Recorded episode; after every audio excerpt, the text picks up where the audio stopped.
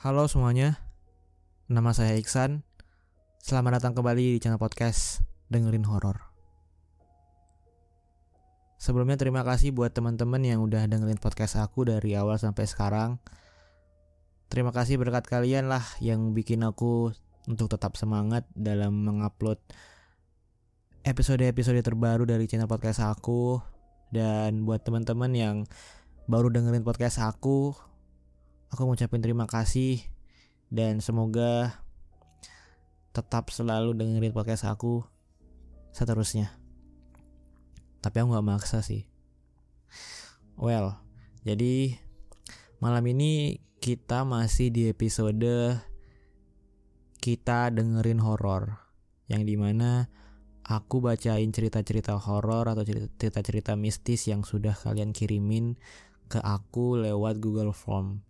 Nah, Google Formnya itu ada linknya di description podcast aku. Oke, jadi kisah ini dipersembahkan oleh Aini. Instagramnya at n titik kuro tu Aini. I-nya dua. Judul ceritanya Suapra. Jadi aku tadi sebelum tag podcast ini aku nanya lah di Twitter teman-teman Twitter aku. Aku nanya, e, guys, ada yang tahu Suapra nggak? Aku jujur nggak tahu apa itu Suapra. Terus ada yang jawab di Twitter, katanya Suapra itu singkatan dari lintas wana pramuka. Semacam kegiatan menjelajah gitu Biasanya suka ada pas pelantikan Bantara. Oke, jadi aku sedikit paham tentang suapra itu apa. Oke, ini ceritanya. Ini cerita waktu aku salah satu di SMA di Jawa Tengah. Aku ikut Dewan Ambalan di Pramuka SMA aku. Dan tiap tahun ada kegiatan namanya Suapra yang susur bukit gitu. Dua kali aku ikut kegiatan Suapra ini. Tahun pertama aku ikut Suapra, aku jadi ketua regu. Mau gak mau aku harus lebih was-was sama keadaan sekitar. Hari ini udah malam. Kita sampai di rumah warga untuk tidur. Nah, ada anak kecil yang punya rumah kelompok kami bilang, Kak, kak, kalau udah maghrib jangan dibuka ya pintu sama jendelanya ada kuntilanak. Katanya gitu. Aku serius aja percaya. Karena aku emang bisa lihat begituan dari kecil. Oke, jadi ceritanya ke Aini ini indigo ya. Malamnya aku ngobrol sama ibu pemilik rumah. Gak sadar kalau ada kakak kelas yang mampir ke rumah kami sehabis maghrib. Kemudian aku baru bisa tidur jam 12-an ke atas dengan posisi tidurnya duduk nyender ke dinding karena udah penuh. Aku keinget kata-kata si adek tadi. Jadi tidurku sambil waspada. Taunya pas lelap, kakiku diseret ke bawah kenceng banget sampai aku kebangun. Dan aku langsung refleks buat membuka mataku dan kakiku ditarik ke atas. Kutariklah kaki aku. Anak-anak yang lainnya sampai kebangun histeris. Gak lama setelah itu, alat makan di dapur ibu pemilik rumah pada jatuh semua. Padahal gak ada orang di dapur. Sehabis itu, paginya aku curhat ke ibu pemilik rumah. Beliau marah. Kamu udah bawa mereka masuk ke rumah saya. Katanya begitu. Setelah itu di perjalanan si hantu ngikutin aku sampai garis finish. Oke, sekarang cerita yang kedua. Maksud aku ini masih cerita dari Kak Aini tapi ini di kegiatan Swapra dia yang kedua. Swapra yang kedua itu pas aku kelas 11. Pas udah jadi Dewan Ambalan dan mau jadi laksana. Yang ini aku jadi panitia bagian PDD.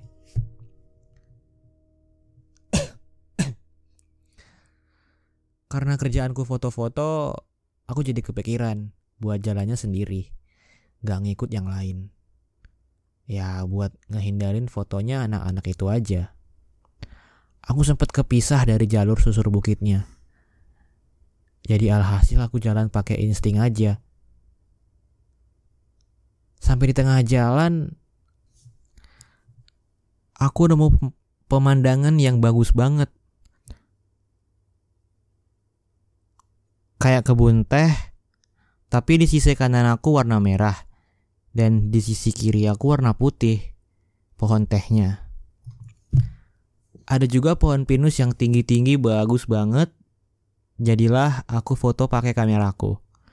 Di situ pula aku mulai dengar suara sesuatu manggil-manggil namaku. Halus banget suaranya. Aku kira suara pemanduku. Tapi pemanduku kan cowok. Jadi aku langsung lanjut jalan aja sambil foto-foto. Terus aku nemu jalan buntu dan dengar suara teman-teman aku di atas lereng. Pas banget di atas tempat aku berdiri. Jadi aku nyari cara biar gak puter balik. Kupanjatin lah tuh lereng. Dan anak-anak lainnya kaget. Kok bisa-bisanya kamu di situ? pada ngirain aku jatuh daripada ribet aku bilang aja ke aku kesasar terus malamnya ada upacara gitu sekitar jam 2 malam di malam itu sorry ada notif uh, oke okay. terus malamnya ada upacara gitu sekitar jam 2 malam di malam itu Aku posisi istirahat di tempat ala anak upacara. Perlahan-lahan aku mulai dengar lagi suara-suara yang tadi manggil aku di pohon.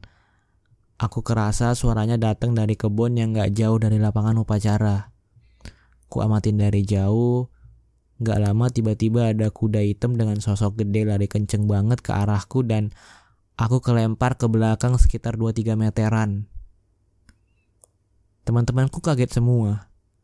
Habis itu aku langsung muntah. Rasanya kayak muntah darah. Ada bau darahnya. Tapi aku gak yakin karena malam-malam jadi gak kelihatan warnanya. Setelah itu aku gak dibolehin lagi ikut kegiatan pramuka ataupun camping-camping naik gunung. Karena pasti digangguin. Bentar ini kenapa ada kucing yang lagi kelahi di depan rumah gua ya?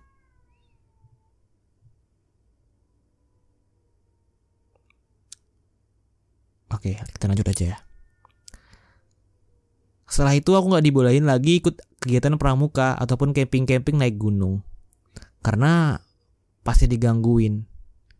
By the way, sekarang aku masih semester 7. Aku emang dari kecil udah bisa lihat hal gaib keluarga aku dikasih berkah turun-temurun buat jadi wadah salah satu jin yang cukup kuat. Jadi kalau aku datang ke suatu tempat yang nolak energi bawaanku, pasti bakal digangguin bahkan pernah dilukain.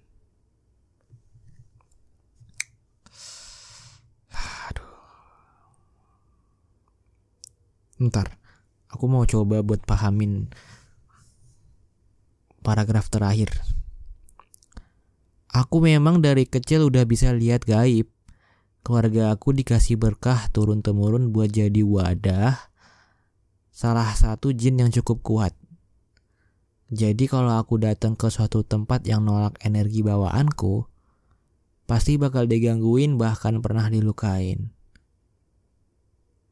Oke, oke, oke, oke, oke. Jadi yang aku tangkep di sini yang dia yang dia ceritain ke kita tentang dua kegiatan suapranya dia kan diganggu ya terus yang di acara suapra yang dia kedua dia diganggu nih sama penghuni lereng tadi katanya kalau dia tuh ah, diganggu terus sampai muntah gitu muntah darah. Dan dan ini aku rasa ba, pasti ada hubungannya dengan yang dia bilang tadi di paragraf terakhir katanya dia tuh jadi wadah salah satu jin yang cukup kuat terus kalau misalnya dia datang ke suatu tempat yang nolak energi bawaannya ya pasti dia bakal digangguin mungkin jin yang ada di tubuh si A ini tadi ini ditolak nih. Ditolak keberadaannya sama penunggu lereng tadi. And that's why kakak ini diganggu, bahkan dilukain sampai muntah darah. Oke. Okay. Well, well, cukup bagus ceritanya. Lumayan singkat tapi cukup menghibur bagi aku. Semoga kalian terhibur juga teman-teman. Oke, jadi segitu aja buat malam ini, episode malam ini tentang kejadian di Suapera. Oke. Sekian teman-teman, buat yang dengerin aku di Apple Podcast, aku minta tolong buat kasih review dan kasih bintangnya. Terserah bintangnya berapa aja pokoknya yang sesuai dengan podcast aku dan yang paling penting itu reviewnya Soalnya aku butuh banget saran dari kalian apa yang lebih dari channel podcast aku, apa yang kurang dari channel podcast aku.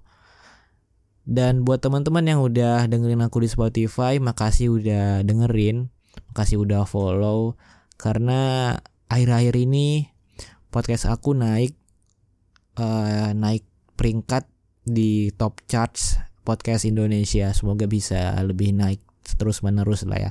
Semoga bisa lebih meningkat terus menerus. Oke. Terima kasih teman-teman yang udah dengerin sampai akhir. Mungkin itu aja. Saya Iksan. Selamat malam.